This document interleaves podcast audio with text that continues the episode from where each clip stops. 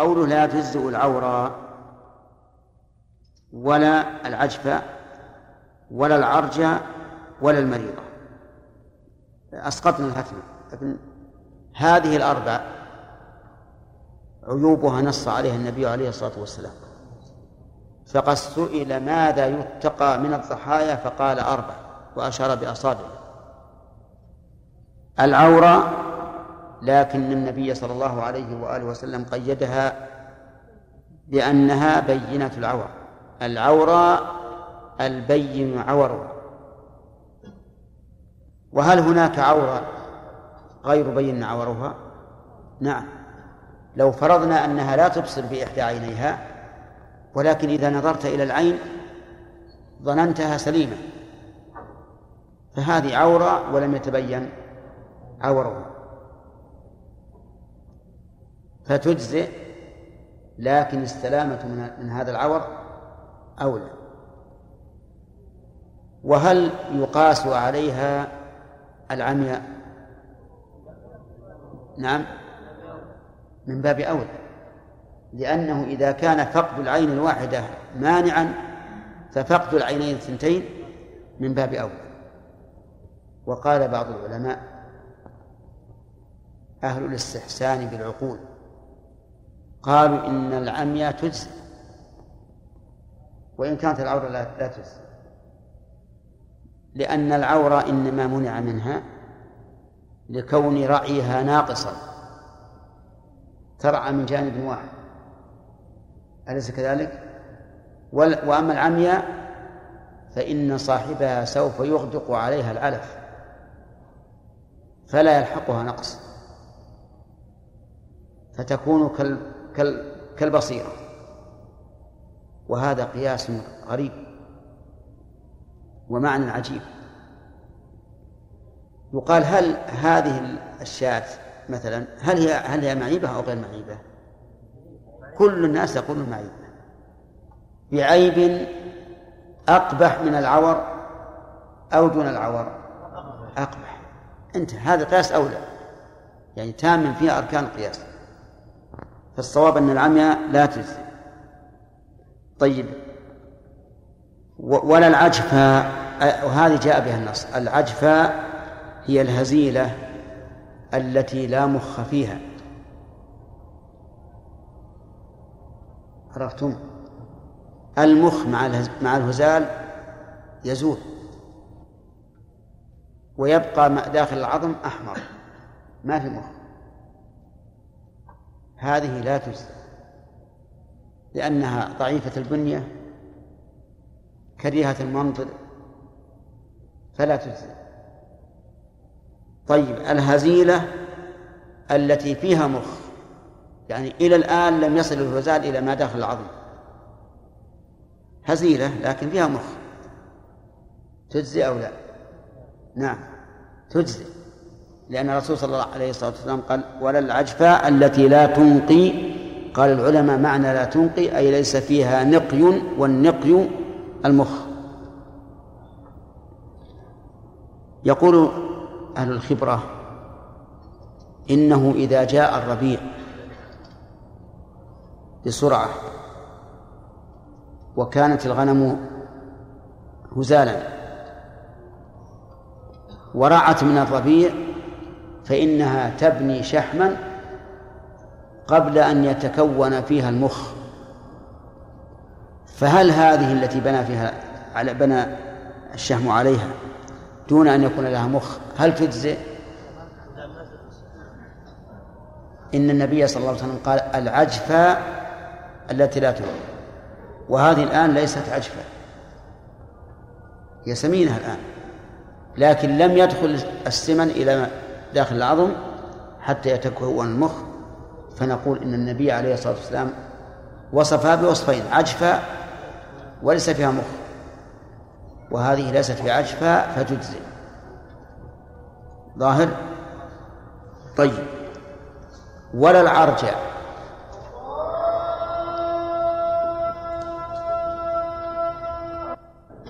هذا أعطانا السؤال يقول حاتم بن إبراهيم أنت؟ ما هو واضح كتابه بالنسبة للصدقة كذا؟ ها؟ الأموات عندنا في السودان. تخصيص يوم كذلك.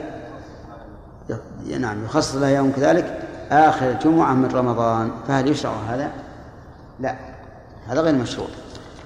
لأنك لا تخصص يوما أو مكانا لعبادة إلا إلا بدليل. نعم. إيش؟ الحديث مقيدة بالعسر وهنا أطلقناها أي. هذا إشكال جيد. هذا إشكال جيد. لكن قال العلماء إنها تقيد بالعسر من جهة الأفضل. أن الثنية أفضل. ولو كانت الجذعة ليست محل ليست محلا قابلا للأضحية ما أجزأت عند العسر. ولهذا لو كان عند الإنسان أقل من الجذع وهو معسر لم يجزه فقالوا إن تقييدها بالإعصار هو من باب الأفضلية فقط. يجزيه لكن الأفضل الثنية.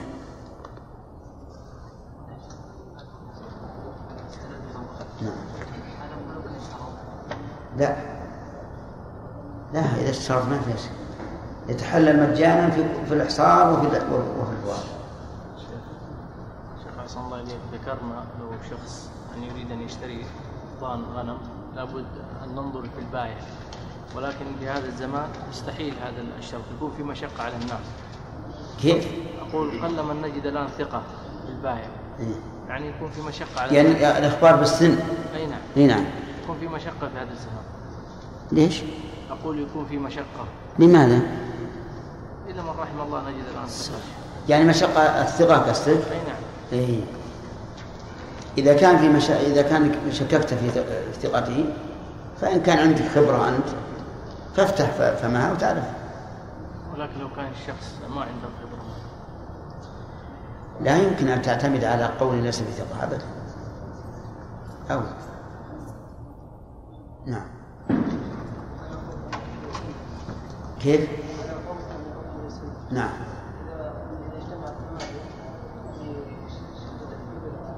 في إيش؟ نعم. هل إيش؟ لا. على نهي؟ إيه هو كان سنة لأن الأضحية لها شروط. من شرطها أن تكون في في العدد المحدد.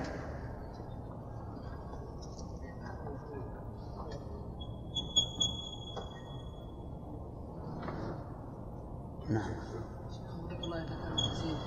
إيش؟ إيه؟ ما تجزي نعم ها؟ إيه تجزي ليس عيب ها؟ أليس عيب لا الفزال عيب في البيع والشراء وليس عيبا في في الشرع في الشرع في التضحية نعم ولذلك تجد العور عيب في الشراء في الشراء العور اللي غير بين عيب في الشراء وليس عيبا في الأضحية في بعض البلدان الإسلامية ها؟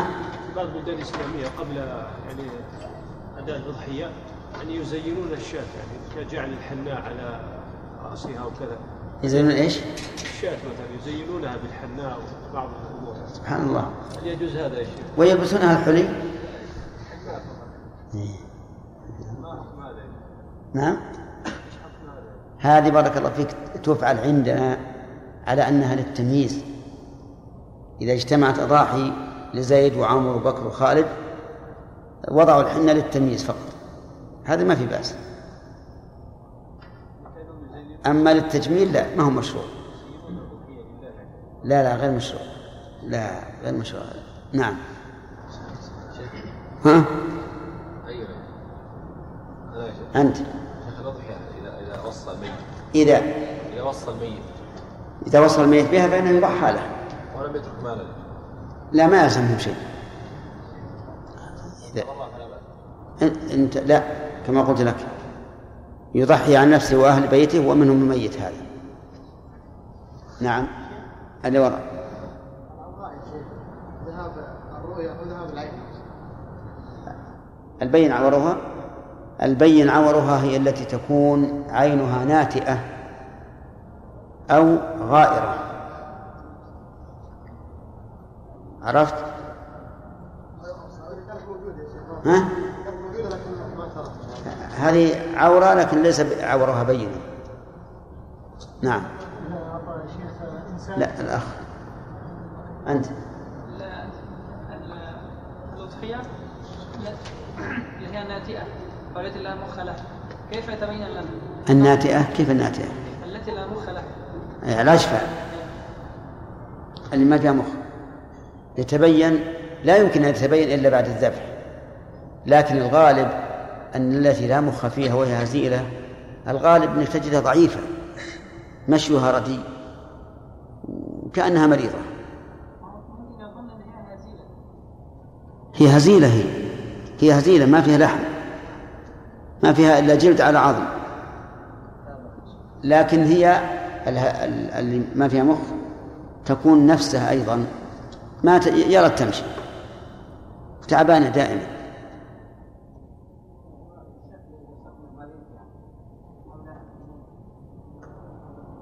إيه. وش تقولون فيها؟ يقول هل الحولاء كالعوراء؟ اي الحولاء لا ما هي كالعوراء لو اثنتين نعم. هنا ها؟ أولا ما أظنك تثبت لي أن شاة حولاء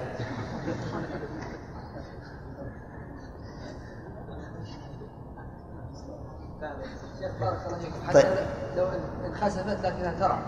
اي نعم. ترى ترى منخفسة نعم. أو نتأت وهي ترى. ناتئة أو منخسفة هذه ليست عورة. لأنها ترى بعينيها. ها؟ لكن الحديث قيد. العورة البين عورة. سمع رحمة الله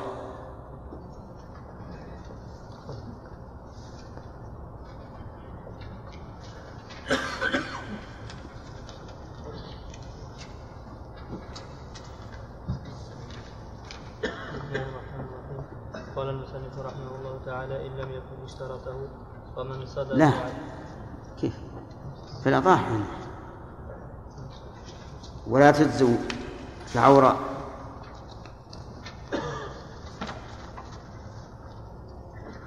بسم الله الرحمن الرحيم. ولا الحوراء والعجفاء والعرجاء والحشماء وال- والجداء والمريضة والعذباء بل البتراء خلقة والجماء وخسي غير مجبور وما بأذنه أو بقر أو قرنه قطع أقل من النصف. والسنة نحر الإبل إبل قائمة معقولة يدها اليسرى فيتعينها يطعنها. فيطعنها بالحربة في الوهدة التي بين أصل العنق والصدر ويذبح غيرها ويجوز عكسها ويقول بسم الله والله أكبر اللهم هذا منك ولك. ويتولاها بس. صاحبها بسم الله الرحمن الرحيم الحمد لله رب العالمين وصلى الله وسلم على نبينا محمد وعلى آله وأصحابه أجمعين أما بعد فقد سبق أن للأضحية شروطا خالد الأول وهي وهي الإبل والبقر والغنم المعز والبقر نعم هل تجزي الأضحية بالفرس؟ أي نعم لماذا؟ هل هناك دليل على أنها إذا لم تكن من بهيمة العام لا تجزي؟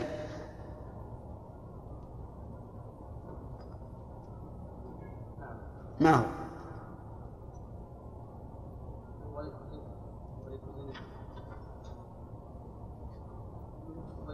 حديث عائشة أصل من أصول الدين من عمل عملا نعم من عمل عملا ليس عليه أمرنا فهو رد. الشرط الثاني طرف. السلامة المرض. السلامة من المرض وما أشبه ذلك. ما يكفي هذا. أقول ما ثبت فيها يعني السن المحدد لها شرعا. عدلت عن الشرط هذا؟ عن السلامة. نحن نريد أن نأخذها شرطا شرطا. نقول السن المحدد لها شرعا؟ إيش ما يعني الشرط الثاني أن تبلغ؟ السن المحدد له شرعا. نعم. ما هي؟ الضعن لها ستة أشهر. كمل. والمسنة. لها سبع شهور. طيب. والثانية لها تسع شهور. لا ها؟ كم سنة؟ نعم. الظاهر ما رجعت يا عبد الله. بندر أن تبلغ السن المعتبر شرعا.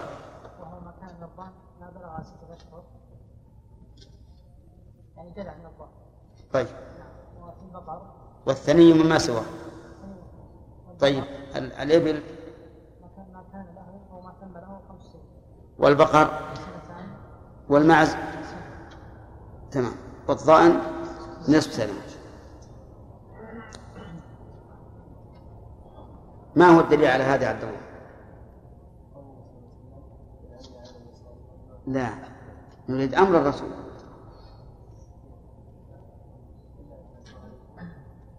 أول الحديث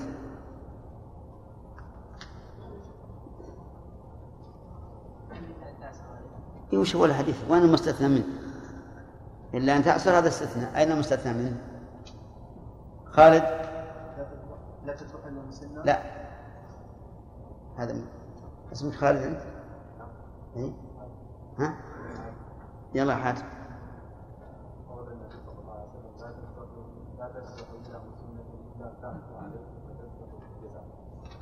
جذع منين؟ نعم. الشرط الثالث أن تكون سالمة. أن تكون سالمة من العيوب المانعة من الإجزاء شرعا. كذا طيب. هل هناك ارتباط بين العيب العرفي والشرعي في هذه المسألة؟ شرف لا ليس هناك اتفاق لا ارتباط. نعم. مثل بمثال يتضح به ال- الافتراق. العور. نعم. مثل العور قد تكون الشاة عوراء عرفا. يكون في عينها بياض قليل ولكنها ليست عوراء شرعا. تمام. طيب. العور الذي ليس ببين عيب عرفي. ترد به البهيمة. وليس عرفا وليس عيبا شرعيا. فتقبل فيه البهيمة تمام. طيب العيوب المانعة من الإجزاء آه، هو الشرط الثالث. الشرط الرابع آدم بن زكريا. أن تكون في الوقت المحدد للأضحية. وما هو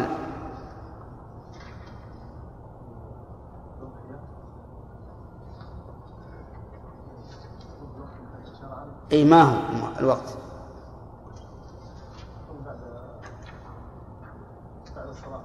من بعد صلاة عيد الفطر.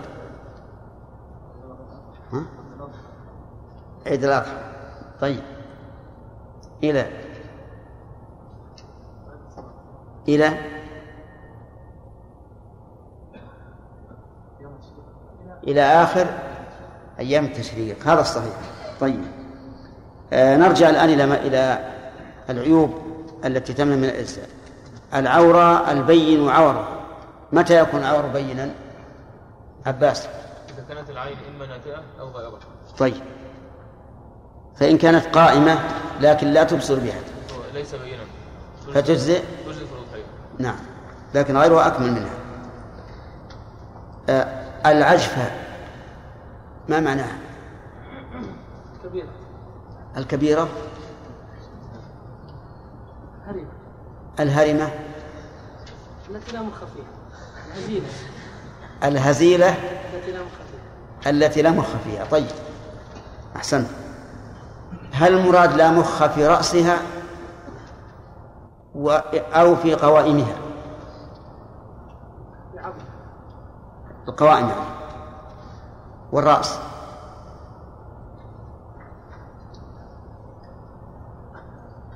إن لم يكن في قوامهم فراسهم باب أولى لا لا لا. ما صح. ما تقولون أنتم؟ لا. في القوائم ولا في الرأس؟ في القوائم. لأن لا- يمكن أن يخلو الرأس من المخ. لو خلا من المخ لهلكت. طيب. إذا كانت سمينة ولا مخ فيها وهذا يحدث كما يقول أهل الخبرة فيما إذا أجدبت الأرض ثم جاء الربيع بسرعة فإنها إذا أكلت الربيع بنت الشحم ولكن يبقى عظمها خالي من المخ. هل تجزي أو لا؟ تجزي الدليل من الحديث. قال التي لا- العجفاء التي لا تنقي. طيب وهذه؟ ليست عجفاء هي لا تنقي صحيحة لا لكنها ليست عجفاء أحسنت. ثم قال المؤلف رحمه الله ولا العرجة وأخذنا أظن.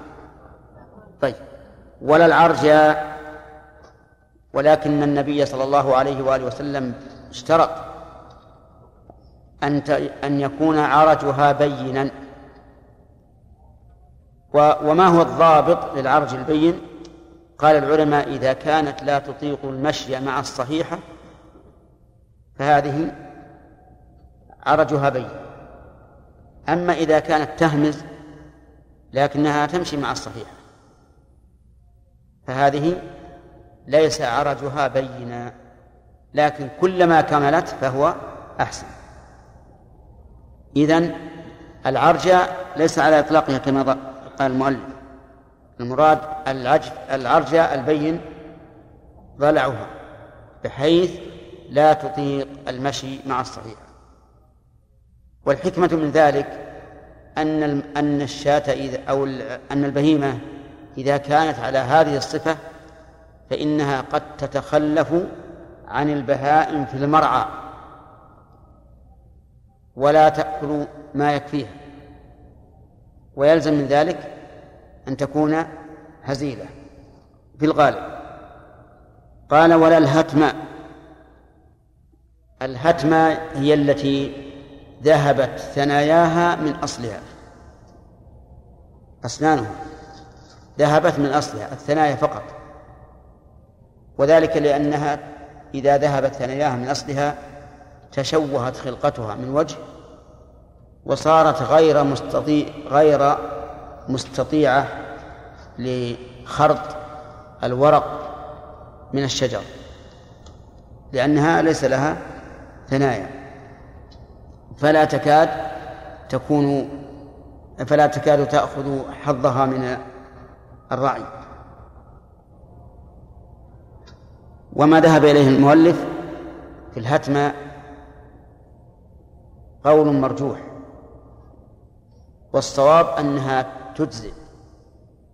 لكن ما كلما كانت أكمل فهو أفضل. ووجه إجزائها أن النبي صلى الله عليه وآله وسلم سئل ماذا يتقى من الضحايا فقال أربع. وأشار بيده. أربع. وليست هذه عن الهتماء من الأربع ولا بمعنى واحدة منها. وعليه فالصواب الإجزاء. لكن كلما كانت أكمل فهي أفضل.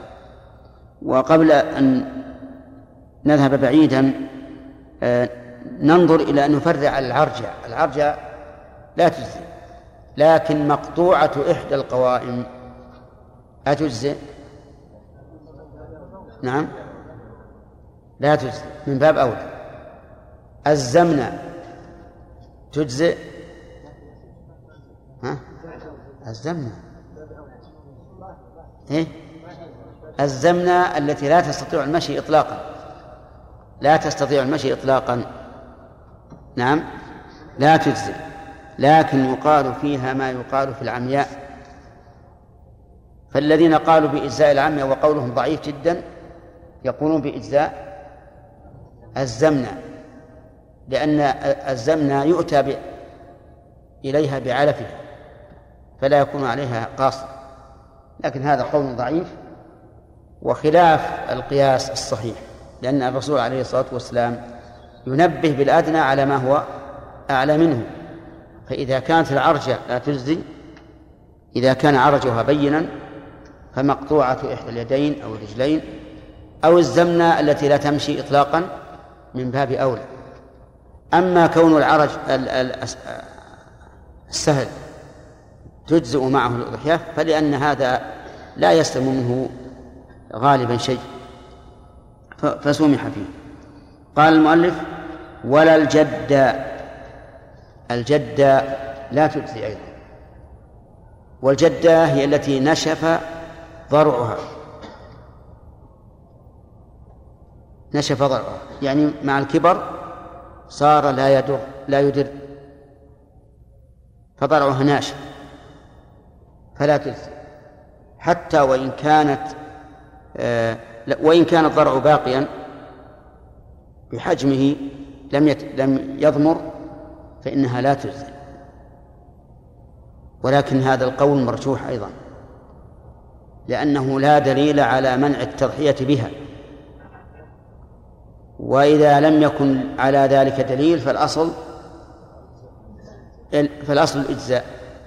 ولهذا كان القول الراجح في هذه المسألة أنها تجزي ولا المريضة. المريضة لا تجزي ولكن هذا الإطلاق مقيد بما إذا كان المرض بينا. وبيان المرض إما بآثاره وإما بحاله. إما بآثاره وإما بحاله. أما آثاره فأن تظهر على البهيمة آثار المرض من الخمول والتعب السريع وقلة شهوة الأكل وما أشبه ذلك. هذا مرض بين. هذه آثار. وأما الحال فأن يكون المرض من الأمراض البينة كالطاعون وشبهه وإن كانت نشيطة. فإنها لا تجزي. ولهذا قال العلماء علماء الحنابلة إن الجرب مرض. مع أن الجرب لا يؤثر تأثيرا بينا على البهيمة ولا سيما إذا كان يسيرا. لكنهم قالوا إنه مرض بين ثم إنه مفسد للحم فلا يجزئ وعدم إجزاء المريضة بالنص والمعنى. النص قول الرسول عليه الصلاة والسلام المريضة البين مرضه. والمعنى لأن لأن اللحم لحم المريضة يخشى على الإنسان من أكله أن يتأثر به. المبشومة هل تجزي أو لا؟ المبشومة تجزي. هل تعرفون المبشومة ما ما يا سعيد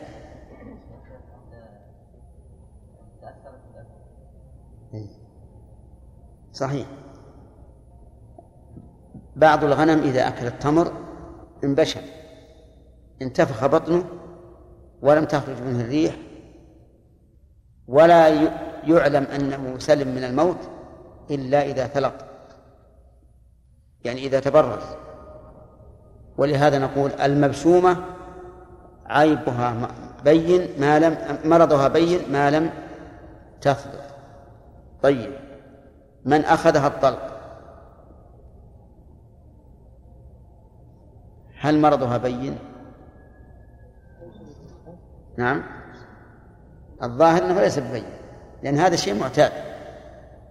اللهم إلا أن تصل إلى حالة خطرة. كأن تتعسر الولادة ويخشى من موتها فحينئذ تلحق بذات المرض البين. طيب المريضة البين مرضها. طيب المغمى عليها سقطت من من أعلى فأغمي عليها. إذا أفاقت لم تكن مؤمن عليها لكن ما دامت في إغمائها فإنها لا تجزئ لأن لأن مرضها بين. قال المؤلف ولا العظبة العظبة هي التي ذهب أكثر أذنها أو قرنها. هذه هي العظمة يعني ما ذهب أكثر أذنها طولا أو عرضا أو قرنها كذلك فإنها لا تجزئ لأن النبي صلى الله عليه وسلم نهى عن أعضب الأذن والقرن والنهي يقتضي الفساد وعدم الإجزاء. فإذا ذهب فإذا ضحى بعضباء عضباء الأذن أو عضباء القرن فإنها لا تجزئ. وقال بعض العلماء إنها تجزئ لكنها مكروهة. وهذا القول هو الصحيح. لأن في صحة الحديث نظرا. والأصل عدم المنع حتى يقوم الدليل على ذلك. إلا أنها تكره لأن النبي صلى الله عليه وسلم أمر أن نستشرف العين والأذن وأن لا نضحي بالمقابلة ولا مدابرة ولا خرقة طيب يقول ولا العظبة بل تجزئ البتراء خلقة أو مقطوعا. أنا عندي خلقة بالمتن. أو أو مقطوعا في الشرح تجزئ العظبة البتراء التي ليس لها ذنب. لكن الماتن قيدها بأن يكون ذلك خلقة. يعني خلقت بلا ذنب فإنها تجزي ومفهوم كلام الماتن أنه لو قطع فإنها لا تجزي قياسا على مقطوعة إيش؟ الأذن. بل أولى من قطع الأذن. لأنها تستفيد من الذيل أكثر مما تستفيد من الأذن. وإن كان لكل منهما مصلحة ومنفعة لكن الذيل له منفعة كبيرة. فلهذا فرق بين بعض العلماء بين أن لا يكون لها ذنب خلقة أو مقطوعا وقال أما ما ليس لها ذنب خلقة فإنها تجزئ كما تجزئ الصمعاء وهي صغيرة الأذن والجمة وهي التي ليس لها قرن. فكذلك البتراء خلقة. وأما ما قطع ذنبها فلا تجزئ. ولكن الصحيح أنها تجزئ. البتراء المقطوع ذنبها خلقة أو آه نعم. التي لا التي لا ذنب لها خلقة أو مقطوعا كالأذن تماما. فأما مقطوع الألية أما مقطوع الألية فإنه لا يجزئ. لأن الألية, الألية ذات قيمة ومرادة مقصودة. وعلى هذا فالضأن إذا قطعت أليته لا يجزئ والماعز إذا قطع ذنبه يجزئ ولكن هنا إشكال وهو أن بعض أهل الخبرة يقولون إن قطع الألية من مصلحة البهيمة لأن الشحم الذي يتكدس في الألية إذا لم يكن لها ألية عاد إلى الظهر وانتفعت البهيمة به مع الخفة خفة البهيمة وعدم تعرضها للتعب لأن بعض البهائم الظأن تكبر أليتها كبيرة جدا حتى تنفعس كما يقول أهل الخبرة. تدمر رجلاها من ثقل هذا هذا الشحم. ولكن ظاهر كلام الفقهاء أنها لا تجزي مطلقا أعني مقطوعة إيش؟ الألية. وبناء عليه نسأل عن الاسترالي. الاسترالي تعرفونه.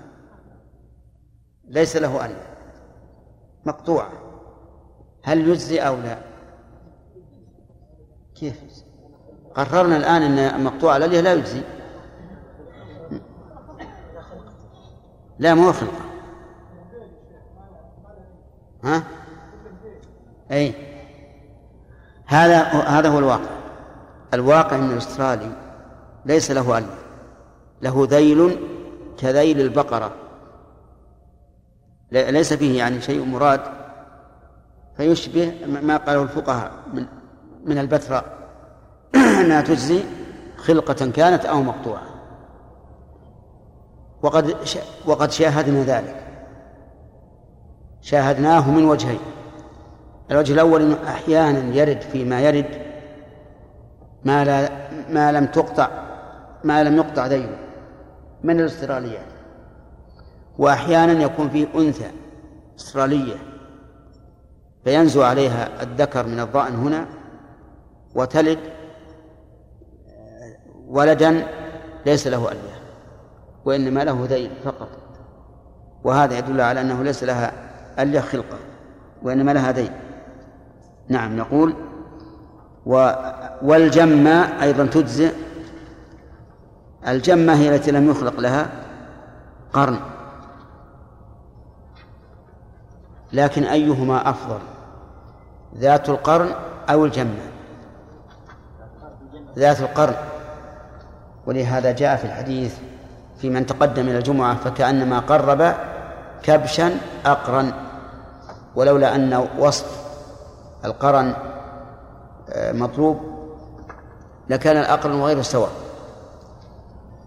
قال والجماء التي لم يخلق لها قرن. نعم. وخصي غير مجبوب الخصي ما قطعت خستته فيجزي. مع أنه ناقص الخلقة وحينئذ يطلب الفرق بين الخصي وبين مقطوع الأذن. فإن مقطوع الأذن كما عرفتم على المذهب لا يجزي. فلماذا أجزأ الخصي؟ مع أن الخصيتين فيهما منافع كثيرة وهو الإنجاب.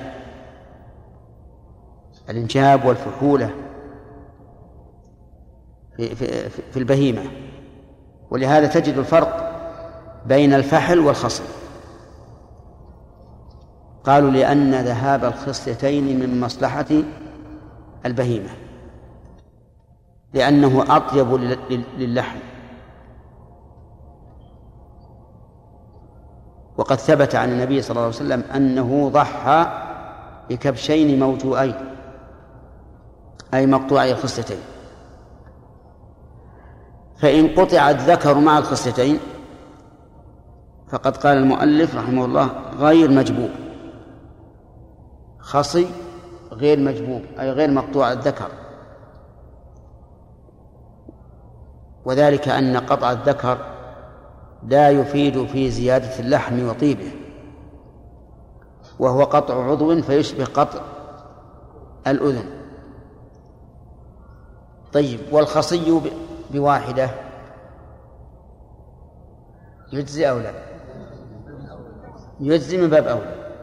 وعلى هذا فما قطعت خصة واحدة منه أجزى وخصيتان أجزى ومع الذكر لا يجزي لأنه قال خصي غير مجبور فإذا قال قائل هل يمكن أن تحيا البهيمة مع الخصاء فالجواب نعم يمكن وهذا كثير.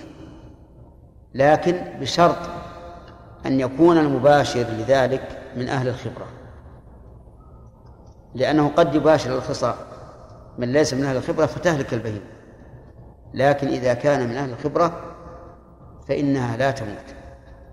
وسبحان الله هذا الأمر موجود من قبل أن تظهر وسائل الراحة الحديثة كالبنج وشبهه. لكن بالتجارب. أما الآن فالأمر أسهل. يمكن أن أن يخصى البهيمة تخصى البهيمة بدون أن تشعر بألم إطلاقا. قال وخصي غير مجبوب وما بإذ وما بأذنه أو قرنه قطع أقل من النصف. ما بإذنه أو قرنه قطع أقل من النصف فإنه يجزي لكن مع الكراهة. لأن النبي صلى الله عليه وسلم أمرنا أن نستشرف العين والأذن وألا نضحي بمقابلة أو مدابرة أو شرقة أو خرقة طيب وقول المؤلف أقل من النصف. مفهوم كلامه؟ أنه لو كان النصف فإنه لا يجزي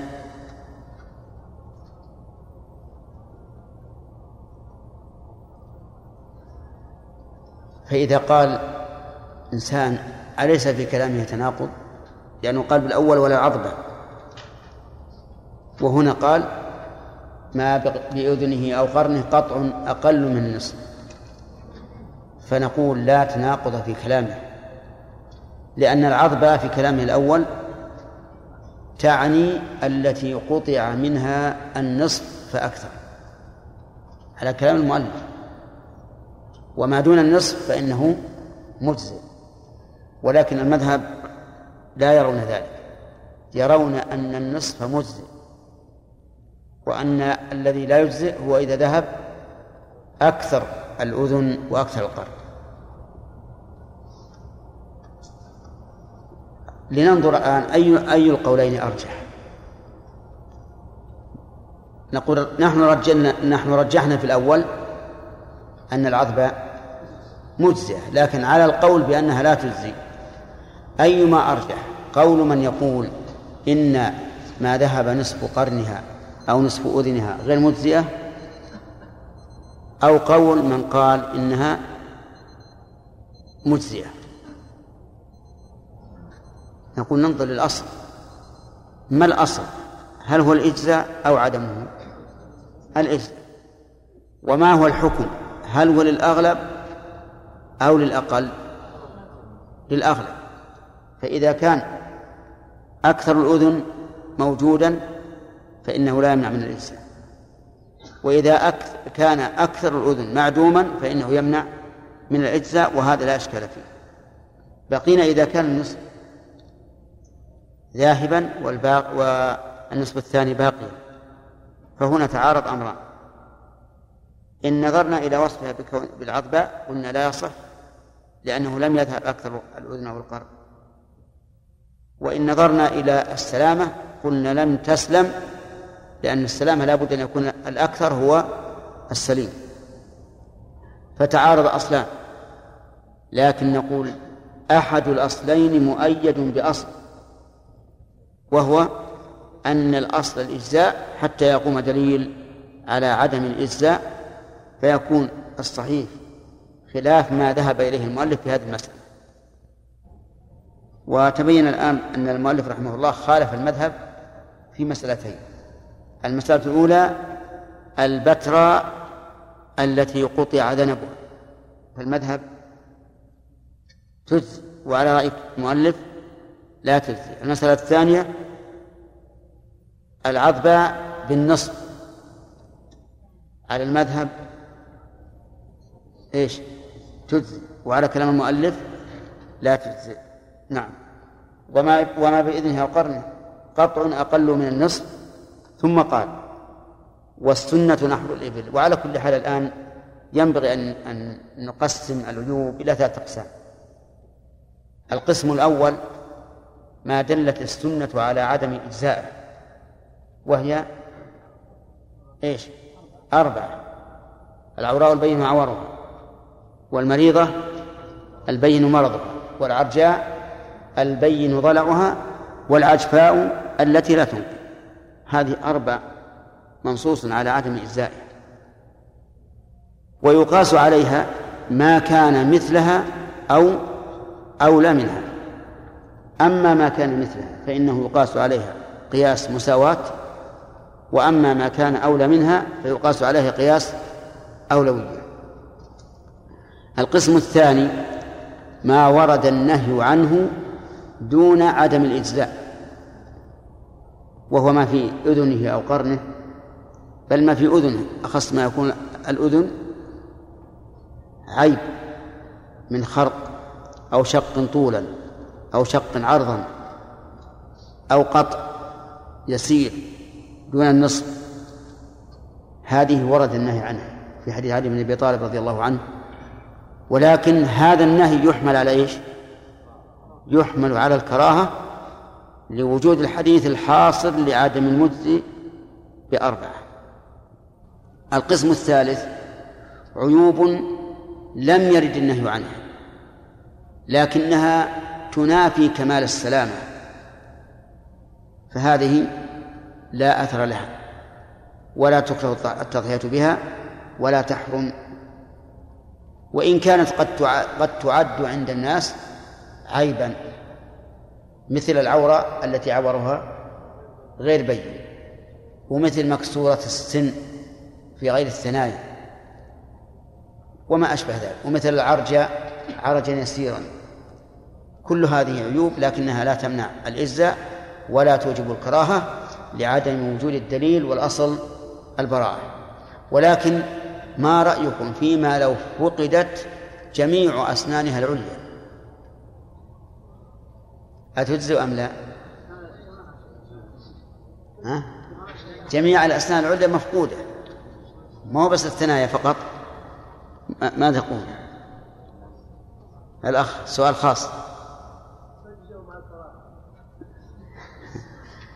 السؤال خاص يا شيخ يحيى. أقول جميع أسنانها العليا مفقودة.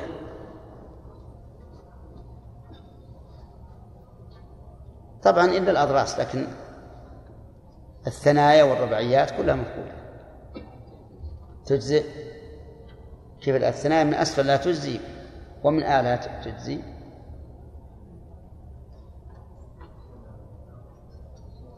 ما تقول؟ ها؟ لماذا تجزي؟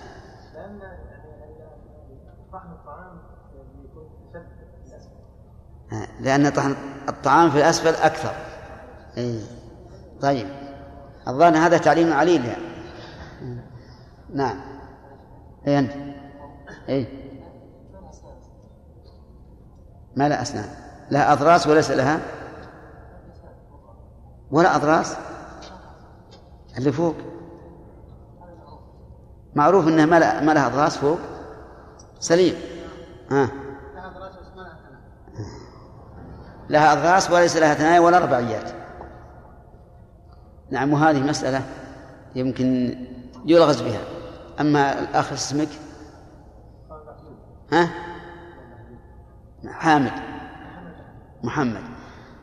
فعلل تعليلا جيدا لو كان مصيبا. يقول لأن آه، طحن الطعام في الأسفل أقوى. لكن أصله ما له شيء. ما لها شيء. وأنا قد أجبت بجواب الأخ أنها لا تجزئ حينما سألنا شيخنا رحمه الله عبد الرحمن السعدي فقلت لها إنها لا تجزئ. بناء على أن ما سقط الثنايا فإنه لا يجزي. فقلت لا فرق بين الثنايا العليا والسفلى. أي نعم. لكن لكني أخطأت في أن لها ثنايا. لو كان لها ثنايا لكان لا فرق لكن ما ما ليس لها ثنايا. نعم. ما ما وضحت؟ ليس لها أسنان. لها أضراس وليس لها أسنان.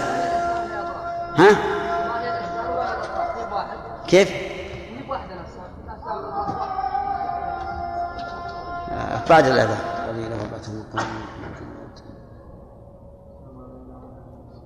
كيف تقول ما وضحت؟ تقول الاسنان والاضراس والثنايا ما هي الاسنان وما هي الاضراس ما هي الثنايا. اي كل ما تعرفه. الثنايا المقدمة. الثنتين المتجانبتين هذه ثنايا أي نعم. وما وراءها؟ رباعيات رباعيات أربعة وأربعة البهائم ما له رباعيات يعني بهيمة العام الإبل والبقر والغنم ما له رباعيات. ولا له ثنايا إلا من أسفل. أما من أعلى فلها أضراس وكذلك من أسفل. الآن لو لو فريت فم ال- البعير أو البقرة أو ال- الضأن أو الماعز لم تجد ثنايا ولا ربعيات فوق. لكن تجد في شفة البعير شق في الشفة العليا. لماذا؟ لأنها تمسك الشجرة وتدخلها بهذا الشق ثم تجذب الورق تسرد السرد في هذا الشق. نعم قلنا في تعليم تعلم النساء المقطوعة الجميلة أنها مرغوبة وأنها تطلق إن إيش؟ أنها مرغوبة في البهيمة نعم نعم ليش الإنسان الآن تأتي بهائم ما لها فرق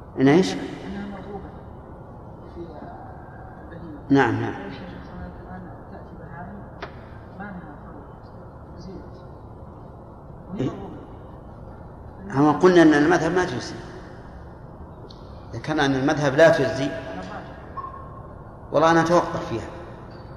المتوقف فيها. نعم.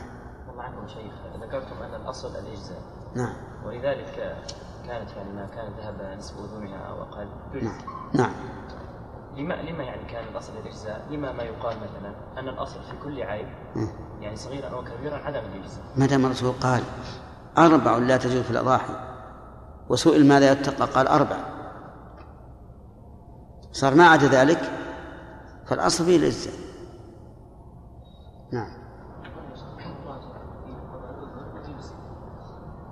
والمشبوه لا يجزي فكيف كان قطع الأذن يجزي لأن لم يسف في الحديث والمشبوه لم يسف أيضا ولا يجزي المجهوب يقولون لأن هذا قطع عض- عضو مهم جدا لأنه هو آلة التناسل ذكر آلة التناسل فكان قطعه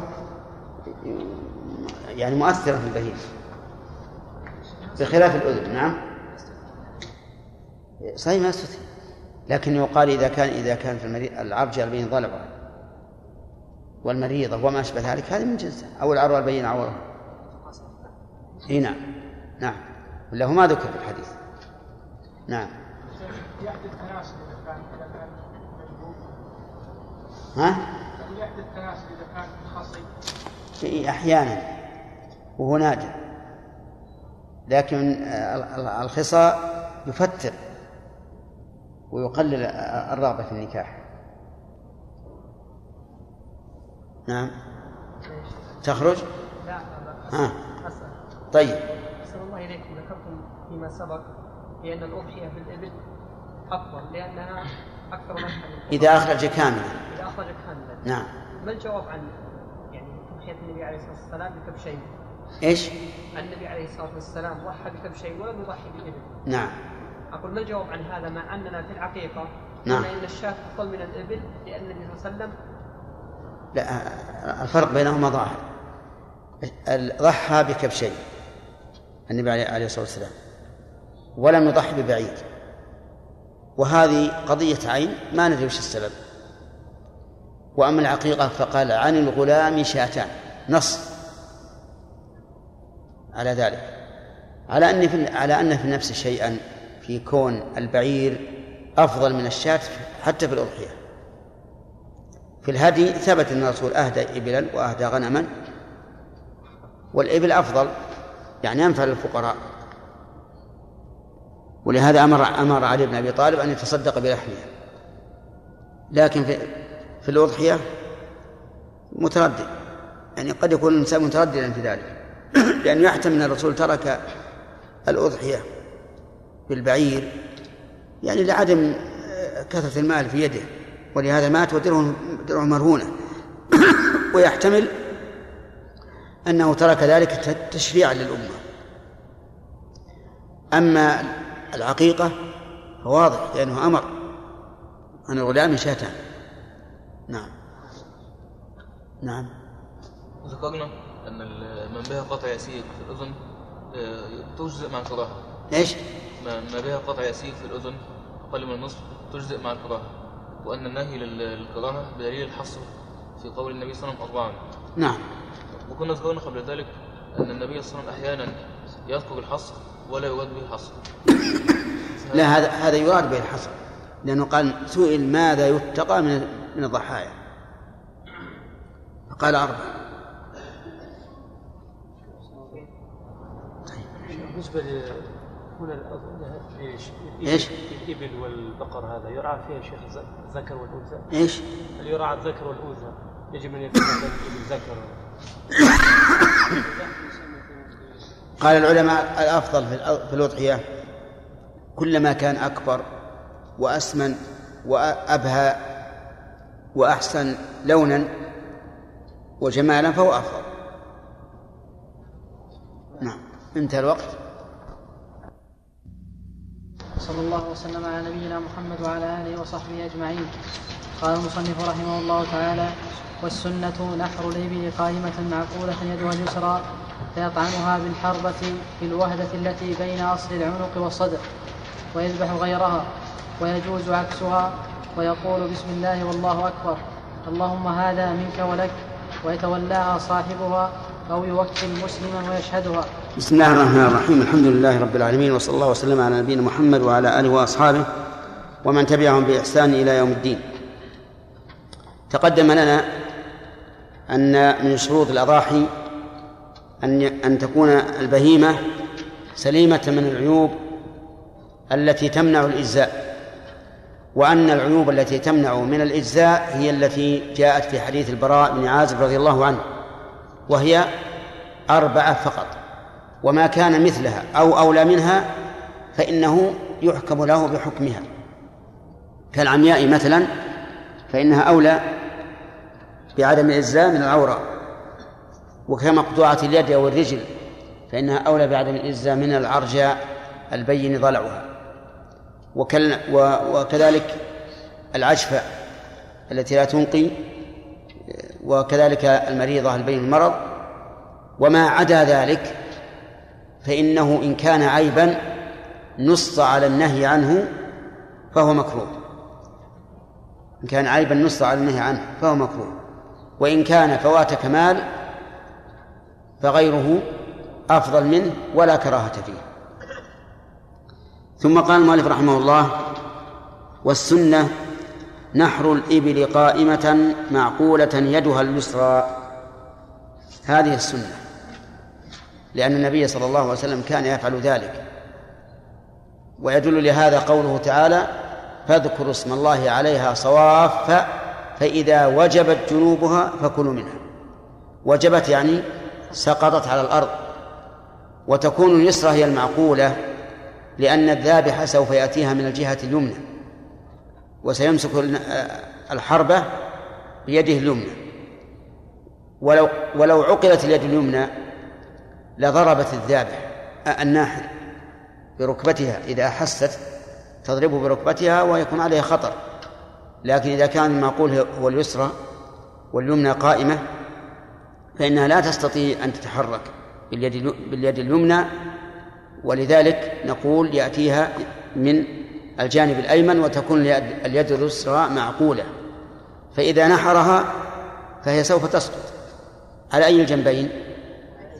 على الجنب الأيسر التي التي فيه اليد معقولة. هذا هو السنة. ولكن إذا كان الإنسان لا يستطيع ذلك كما هو المعروف عندنا الآن في بلادنا هذه لا يعرفون هذا هذا هذه الطريقة. ولو أنهم فعلوا هذه الطريقة ما استطاعوا. ولكنهم يبركونها ويعقلون يديها ورجليها ويلوون رقبتها ويشدونها بحبل على ظهرها ثم ينحرون ينحرونها. فنقول إذا لم يستطع الإنسان أن يفعل السنة وخاف على نفسه أو على البهيمة أن تموت حرجا فإنه لا حرج أن يعقلها وأن ينحرها باركة. فيقول المؤلف في كيفية النحر فيطعنها بالحربة في الوهدة التي بين أصل العنق والصدر. يطعنها بالحربة يعني على سبيل التمثيل. وإلا بالحربة بالسكين بالسيف بأي شيء. المهم أن ينهر الدم يجرح وينهر الدم. ويقول في الوهدة التي بين أصل العنق والصدر وهي قريبة أن تكون بين يديها وهي معروفة. فإذا طعنها جرها من أجل أن يقطع الحلقوم والمري. وفي هذه الحال نعم. قال والسنة أن يذبح غيرها أي غير الإبل والذبح يكون في أعلى الرقبة لا في أسفلها والنحر يكون في أسفلها. ولهذا تموت الإبل أسرع من موت الضان والماعز والبقر. وذلك لأن النحر قريب من القلب فيتفجر الدم من القلب بسرعة. ولو أنها ذبحت الإبل من عند الرأس لكان تتأث يعني تتألم من الذبح لأن الدم سيكون مجراه ما بين القلب إلى محل الذبح سيكون بعيدا فيتأخر موتها فكان من الحكمة أن تنحر ويخرج الدم بسرعة ثم تموت بسرعة. أما غيرها فإنها تذبح من عند الرأس. ويجوز عكسها. طيب يذبح غيرها ويذبح غيرها. يعني والسنة أن يذبح غيرها. طيب هنا نقول يذبح أو يذبح. يذبح ليش؟ على إيش؟ ما فيها ينحر. ما عندنا نحر. نعم؟ على النحر. ليش؟ هنا لأنه مصدر فإذا عطف عليه الفعل المضارع فإنه ينصب بأن مضمرة ليكون عطف مصدر على مصدر. فالسنة نحر الإبل ويذبح غيرها يعني وذبح غيره وذبح غيرها. ومنه ولبس عباءة وتقر عين. أحب إلي من لبس الشفوف وتقر عيني. إذن نقول في كلام المؤلف ويذبح غي ويذبح غيرها ويكون على الجنب الأيسر لأنه أيسر للذابح. إذ أن الذابح سوف يذبح باليد اليمنى فيضجعها على الجنب الأيسر ثم يضع رجله على رقبتها. ثم يمسك برأسها ويذبح. هذا هو السنة. ولكن إذا كان الرجل لا يعمل باليد اليمنى وهو الذي يسمى أعسر فإنه يضجعها على الجنب الأيمن لأن ذلك أسهل له. ثم إن الأفضل أن تبقى قوائمها مطلقة. يعني اليدين والرجلين الأفضل أن تبقى مطلقة. لا تقيد ولا يمسك بها. وذلك لوجهين. الوجه الأول أنه أريح للبهيمة أن تكون طليقة تتحرك. والثاني أنه أشد في إفراغ الدم من البدن لأنه مع الحركة يخرج الدم كله. ومعلوم أن تفريغ الدم أطيب للحم. ومن ثم صارت الميتة حراما لأن الدم يحتقن بها فيفسد اللحم. وكلما تفرغ الدم اللحم من الدم فهو أحسن وأكمل. ويقول المؤلف ويقول بسم الله وجوبا والله أكبر استحبابا. يقول بسم الله وجوبا لأن من شرط حل الذبيحة أو النحيرة التسمية. وأما الله أكبر فهي تقال استحبابا. وكان أحد أحد الخطباء يخطب يوم العيد ويقول السنة أن يقول عند الذبح بسم الله وجوبا والله أكبر استحبابا. فذهب العامة وصار الواحد منهم إذا ذبح يقول بسم الله وجوبا والله أكبر استحبابا. ظن أن هذا هو المشروع ولهذا ينبغي للخطيب أن يكون عنده انتباه لأن العامة ليسوا كطلبة العلم. يقول بسم الله والله أكبر. أما بسم الله فواجبة وأما الله وأما الله أكبر فمستحبة. حتى لا يختلط الأمر على الناس. طيب. يقول بسم الله وجوبا. والتسمية على الذبيحة شرط من شروط صحة التذكية. ولا تسقط لا عمدا ولا سهوا ولا جهلا. وذلك لأنها من الشروط. والشروط لا تسقط عمدا ولا سهوا ولا جهلا. ولأن الله قال ولا تأكلوا مما لم يذكر اسم الله عليه. فقال مما لم يذكر اسم الله عليه ولم يقيد ذلك بما إذا ترك اسم الله عليه عمدا. وهنا يلتمس يلتبس على بعض الناس فيقول أليس الله قد قال ربنا لا تؤاخذنا إن نسينا وأخطأنا؟ فنقول بلى قال الله ذلك. وعلى العين والرأس. لكن لنا لكن هنا ولكن هنا فعلان. الفعل الأول فعل الذابح والثاني فعل الآكل. فعل الذابح والثاني فعل الآكل. وكل واحد منهما يتميز عن الآخر. ولا يلحق هذا حكم هذا ولذلك قال النبي صلى الله عليه وسلم في من سألوه عن قوم حديث عهد بكفر يأتون باللحم ولا يدرى أذكر اسم الله عليه أم لا؟ قال سموا أنتم وكلوا. لأن الإنسان مطالب بإيش؟ بتصحيح فعله. لا بتصحيح فعل غيره فإن الفعل إذا وقع من أهله فالأصل السلامة والصحة. طيب نقول على العين والرأس. لا تأكلوا مما لم يذكر اسم الله عليه. فإذا أكلنا نسيانا أو جهلا فليس علينا شيء.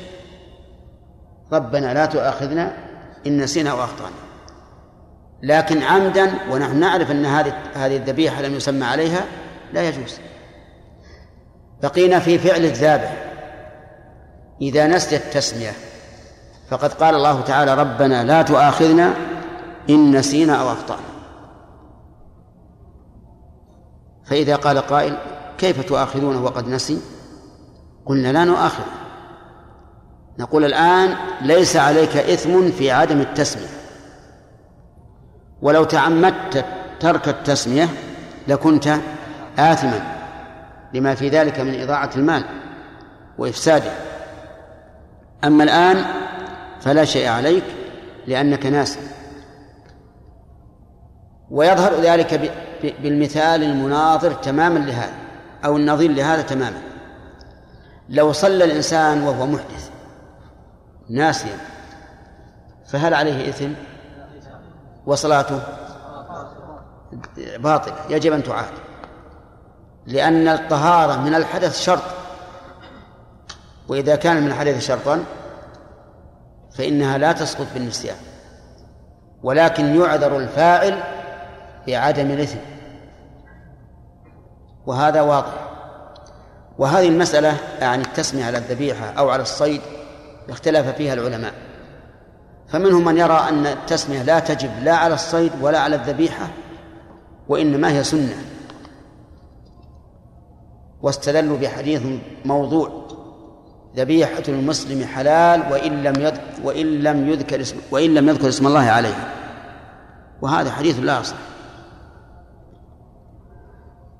وقال بعض العلماء التسمية واجبة وتسقط بالنسيان والجهل في الذبيحة والصيد. هذان قولان. والقول الثالث التسمية شرط في الذبيحة والصيد وتسقط سهوا في الذبيحة ولا تسقط في الصيد. وهذا هو المشهور عند فقهاء الحنابلة أنه إذا ترك التسمية في الصيد ولو سهوا فالصيد حرام وإن ترك التسمية سهوا في الذبيحة فهي حلال إيش الدليل؟ قال لأن النبي. قالوا لأن النبي صلى الله عليه وآله وسلم قال لعدي بن حاتم وأبي ثعلب الخشني قال في إرسال السهم إذا أرسلت سهمك وذكرت اسم الله عليه فكل فجعل لحل الأكل شرطين القصد وهو إرسال السهم والثاني التسمية. فنقول وقد قال أيضا في الذبيحة ما أنهر الدم وإيش؟ وذكر اسم الله عليه فكلوا. فاشترط شرطين إنهار الدم والثاني التسمية ولا فرق. ثم نقول إذا كنا نعذره بالنسيان على الذبيحة فعلى الصيد من باب أولى لأن الصيد يأتي بغتة ويأتي بعجلة وسرعة وأهل الصيود يذهلون إذا رأوا الصيد. يذهل حتى أنه أحيانا يركض وراه ربما يسقط في حفرة أو يضربه عم يعني نخلة أو شجرة وهو لا يشعر. يمشي وكأنه سك يعني سكران من شدة شفقته على الصيد. مثل هذا أحق بالعذر من إنسان أتى بالبهيمة بتأني وأضجعها ونسي أن يقول بسم الله. عرفتم؟ القول الرابع أن التسمية شرط في الذبيحة وفي الصيد ولا تسقط بالنسيان والجهل وهذا قول شيخ الإسلام ابن تيمية رحمه الله. هذا قول شيخ الإسلام ابن تيمية وهو الذي تدل عليه الأدلة. فإن قال قائل أرأيتم لو نسي أن نسمي على بعيد قيمتها خمسة آلاف ريال. وقلنا لا تحل. كم ضاع عليه؟ نعم خمسة آلاف ريال. وهذا من جملة ما يقدر على الإنسان أن يضيع عليه. فإن قال قائل وبهذا تتلفون أموال الناس. قلنا هذا التقدير كقول من قال إذا قطعتم يد السارق أصبح نصف الشعب أشل. ما عنده يد. مع أننا إذا قطعنا يد السارق قلت السرقة لم يسرق أحد. كذلك إذا قلنا لهذا الرجل الذي نسي أن يسمي على الذبيحة ذبيحتك حرام. إذا جاء يذبح مرة ثانية ها؟ يمكن يسمي عشر مرات. نعم ما ينسى أبدا. لأنه قد اكتوى بنار النسيان فلن ينسى أبدا. وبهذا نحمي هذه الشعيرة وأنه لا بد من ذكر اسم الله على على المذبوح. بقي علينا يعني لا لا بأس أن أن نعرض لشروط الزكاة الزكاة من شرطها التسمية. التسمية متى؟ عند إرادة الفعل. التسمية عند إرادة الفعل. وليس عند شحذ الشفرة يعني السكين. وليس عند وضع السهم في في القوس. وليس عند وضع السطن في البندق. لا عند الفعل. ولهذا جاءت على اذكر اسم الله عليه. إشارة إلى أن هذا الفعل هو الذي لابد أن تكون التسمية عليه. الثاني إنهار الدم. إنهار الدم. يعني تفجيره حتى يكون كالنهر. يعني يندفع بشدة. وهذا لا يتحقق إلا بقطع الودجين وهو وهو الذي يعرف عند الناس بإيش؟ بالشرايين أو بالشريان. بعضهم يسميها الأوراد أوراد الشاة. وهما عرقان غليظان محيطان بالحلقوم. معروفان. لا يمكن إنهار تام إلا بهذا. والنبي عليه الصلاة والسلام قال ما أنهر الدم. ولم يتعرض لذكر الحلقوم والمري ولهذا كان القول الصحيح أنه إذا قطع الوجان حلت الذبيحة وإن لم يقطع الحلقوم والمري لأنه لا دليل على اشتراط قطع الحلقوم والمري. بينما قطع الوجهين فيه الدليل. ما أنهر الدم وذكر اسم الله عليه. وفي حديث أخرجه أبو داود لكن في سنده مقال أن الرسول نهى عن شريطة الشيطان وهي التي تذبح ولا تفرى أوداجها. وهذا نص في الموضوع. وفي الرقبة أربعة أشياء إذا قطعت كلها فهذا تمام الذبح. الورجان والحلقوم وهو مجرى النفس والمري وهو مجرى الطعام والشراب. الحلقوم مجرى النفس ولهذا يكون دائما مفتوح أولى دائما مفتوح لسهولة النفس لتسهيل النفس. وجعله الله عز وجل عظاما لينة لتسهل الحركة حركة الرقبة. وجعلها سبحانه وتعالى أشرطة مثل الياي كذلك لتسهل. ولهذا ترفع رقبتك ترفع رأسك وتنزله ولا تجد ولا تجد كلفة. هذا الحلقوم هو مجرى النفس.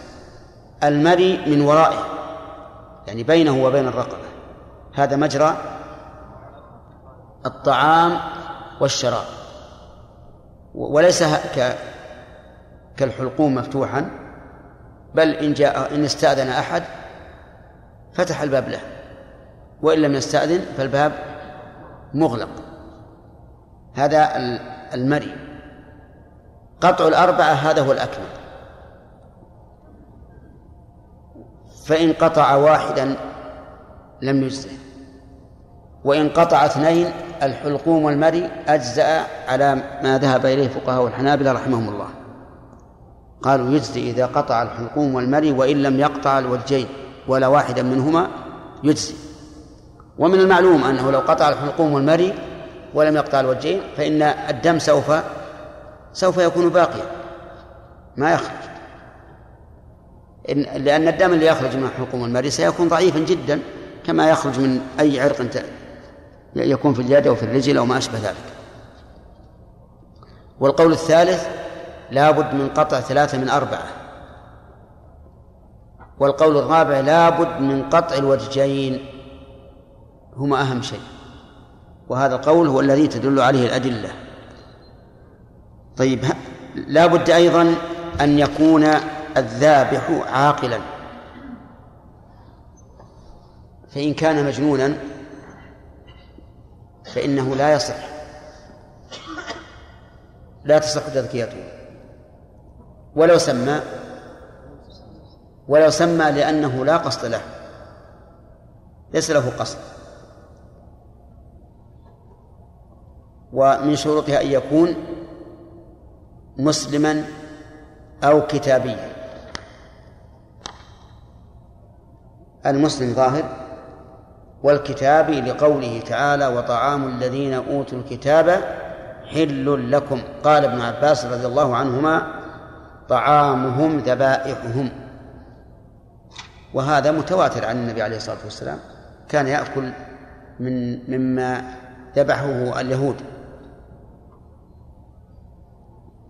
واختلف العلماء هل يشترط في هذا أن يكون كذبح المسلمين؟ أو نقول ما عد ما عدوه ذبحا وتذكية؟ فهو زكاة وإن لم يكن على طريق المسلمين في هذا قولان أحدهما وهو قول الجمهور أنه لا بد أن ينهر الدم أعني ذبح الكتاب كما أنه لا بد أن ينهر الدم في ذبح المسلم. وهذا قول جمهور العلماء. وذهب بعض العلماء وهو وجه في مذهب مالك إلى أن ما عدوه ذكاة فهو ذكاة وإن كان بالخنق. لعموم قول الله تعالى وطعام الذين أوتوا الكتاب حل لكم وهذا طعام عندهم فيكون حلالا. ولكن نقول في الرد على هذا كلمة طعام الذين أوتوا الكتاب مطلق. يقيد بقول الرسول عليه الصلاة والسلام ما أنهر الدم وذكر اسم الله عليه فكلوا. فإذا كان إنهار الدم شرطا في ذبيحة المسلم وهو خير من اليهود والنصراني فكونه شرطا في ذبيحة اليهود والنصراني من باب من باب أولى وهذا هو الحق. ولكن هل يجب علينا أن نعلم أن أن الكتابية ذبحه على هذا الوجه؟ لا لا يشترط. هل يجب أن نعلم أنه سمى عليه؟ لا. والدليل على هذا ما رواه البخاري عن عائشة رضي الله عنها أن قوما سألوا النبي صلى الله عليه وآله وسلم فقالوا يا رسول الله إن قوما يأتوننا باللحم لا ندري أذكر اسم الله عليه أم لا؟ قال سموا أنتم وكلوا. قالت وكانوا حديث عهد بكفر. وحديث العهد بالكفر يشك في كونه يسمي لأنه لم يعرف أحكام الإسلام. ومع ذلك قال سموا أنتم وكلوا. سموا على الذبح ولا على الأكل؟ أو على الذبح. ها؟ الذبح لا يمكن. انتهى كأنه قال الإنسان لا يسأل إلا عن فعل نفسه. وفعلكم أنتم هو الأكل فسموا عليه. أما فعل غيركم فليس عليكم منه شيء. وقد ترجم المجد بن تيمية رحمه الله على هذا الحديث بأن الفعل إذا صدر من أهله فالأصل فيه الصحة والسلامة ولو أننا كلفنا أن نبحث عن كيفية الذبح وهل سمى الذابح أم لا للحقنا في ذلك إيش؟ حرج شديد لا يحتمل. حتى المسلم يمكن أنه لم يسمى حتى المسلم رب يمكن أنه خنق. كل شيء محتمل. لكن الأصل في في الفعل الواقع من أهله أنه على على السلامة. وبهذا يستريح الإنسان. يستريح الإنسان ويسلم من القلق الذي يحصل فيما لو ذبح الكتابي اليهودي أو النصراني ذبيحة وأهدى له. نقول الحمد لله على التيسير.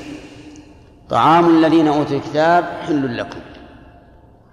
وقد أخبرني بعض الأخوة اللي في أمريكا أنهم الآن رجعوا إلى الشرط الإسلامي وهو إنهار الدم. لكن كيف؟ يقول إنهم يشقون الوجه ثم يدخلون آلة مع الوجه الثاني وينفخونها بشدة من أجل أن يخرج الدم مندفعا بشدة من الوجه الأول الذي فروه يعني أنهم أشد منا يتعجلون أن أن يخرج الدم. نعم. لأنه إذا إذا جاءه ما يدفعه من من أحد الوجهين اندفع من الآخر. لكن نحن ولله الحمد لا. لا يكلفنا الله عز وجل مثل هذا. ذبحنا يسير. أمر السكين على الوجهين وهذا كافي. ومن الشروط أيضا شروط الزكاة أن لا يكون الحيوان محرما لحق الله. أن لا يكون محرما لحق الله. كالصيد في الحرم أو الصيد في الإحرام. فلو ذبح الإنسان صيدا أو صاد صيدا في الحرم فإنه حرام حتى لو سمى. وأنهر الدم. ولو صاد صيدا أو ذبحه وهو محرم فهو حرام. ولو سمى نعم وأنهر الدم. لأنه محرم لحق الله. ولهذا قال النبي عليه الصلاة والسلام للصعب بن جثامة قال إنا لم نرده عليك إلا أن نحرم. وهذا يتبين بالتعبير القرآني. يا أيها الذين آمنوا لا تقتلوا الصيد وأنتم حرم. ولم يقل لا تصيدوا الصيد. فدل هذا على أن صيد الصيد في والإنسان محرم وش يعتبر؟ يعتبر قتلا لا صيدا. والقتل لا تحل به المقتولة. طيب فإن كان محرما لحق الغير كالمغصوب مثلا. اصبر جزاك الله. ما بعد وصلنا إلى الاجتهاد.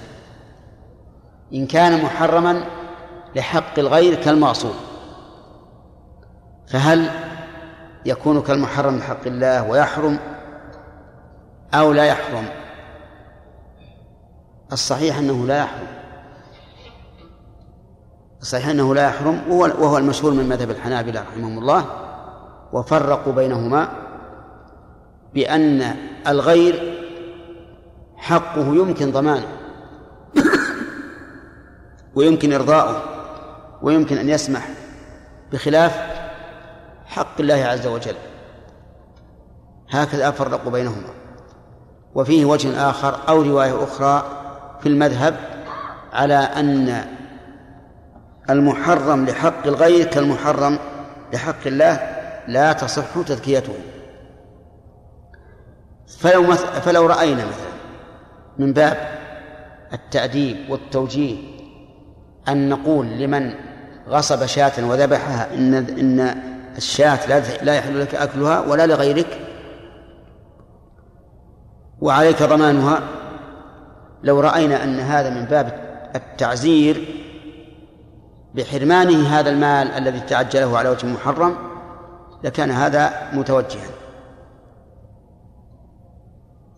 هل يشترط أن تكون أن يكون الذبح في وقت يحل فيه الذبح بالنسبة للأضاحي؟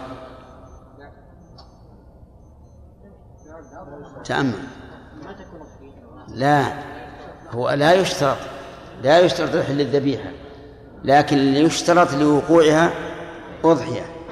أما لحل الذبيحة فتحل ولو كان كذلك. طيب نرجع الآن إلى كلام المؤلف. يقول يقول بسم الله وجوبا والله أكبر استحبابا. طيب لو قال باسم الرحمن باسم فاطر السماوات والأرض باسم الخلاق العليم هل يقوم مقام بسم الله. قال بعض أهل العلم يقوم. إذا أضاف الاسم إلى ما لا يصح إلا لله فهو كما لو أضافه إلى لفظ الجلالة. ولا فرق. لأنه لأنه يصدق عليه أنه ذكر إيش؟ ذكر اسم الله. طيب لو قال باسم الرؤوف الرحيم يجزي أو لا؟ ليش؟ لأن هذا الوصف يصدق لغير الله. قال النبي قال الله تعالى في النبي في وصف النبي بالمؤمنين رؤوف رحيم. طيب لو قال باسمك اللهم أذبح هذه الذبيحة. يجزي ولا لا؟ يجزي. نعم لأن هذا مثل قوله بسم الله. لم يذكر المؤلف الصلاة على النبي صلى الله عليه وسلم.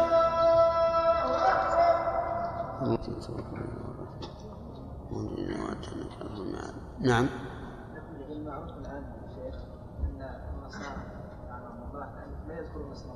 نعم. نعم. باسم الصليب القوي أو باسم نعم. لا الأصل الحل الأصل الحل حتى نعلم أنهم ذكروا اسم غير الله. ذكر قال باسم الرؤوف الرحيم لكن نيته الله سبحانه وتعالى. نعم. فالأعمال بالنيات. لكن ذكر الرأفة والرحمة هنا لا تناسب. ولهذا قالوا لا ينبغي أن يقول بسم الله الرحمن الرحيم في, في هذا المقام. طيب هل يصلي على النبي صلى الله عليه وسلم في هذا المقام؟ لا. لا يصلي على النبي. أولا لأنه لم يرد. والتعبد لله بما لم يرد بدعة. والثاني أنه قد يتخذ وسيلة فيما بعد إلى أن يذكر اسم الرسول على الذبيحة. فلهذا كره العلماء أن يصلي على النبي صلى الله عليه وسلم في على الذبيحة. نعم. لا الأخ. هل يمكن أكل الذبيحة الذي يسقط أولا تسقط أولا بالكهرباء أي يذبح. نعم. هذا يعني لحم الحكومة لحم المقصد. إذا لا يشترون بعض الناس لا يستطيعون اللحم لا يستطيعون أن يشتري لحما للسوق مثلا. أي نعم. طيب. هذا يمكن أم فهمت السؤال؟ يقول لو كانت تصعق البهيمة أولا ثم تنحر أو تذبح ثانيا هل يجزي أو لا؟ يسقط بالكهرباء. نعم بالكهرباء. إذا أدركها وفيها حياة اسمع. إذا أدركها وفيها حياة حلت. وعلامة الحياة أنه إذا ذبحها انبعث منها الدم. عرفت؟ ودليل هذا قوله تعالى حرمت عليكم الميتة والدم ولحم الخنزير وما أهل لغير الله به والمنخنقة والموقوذة والمتردية والنطيحة وما أكل السبع في النهاية إلا ما ذكيتم.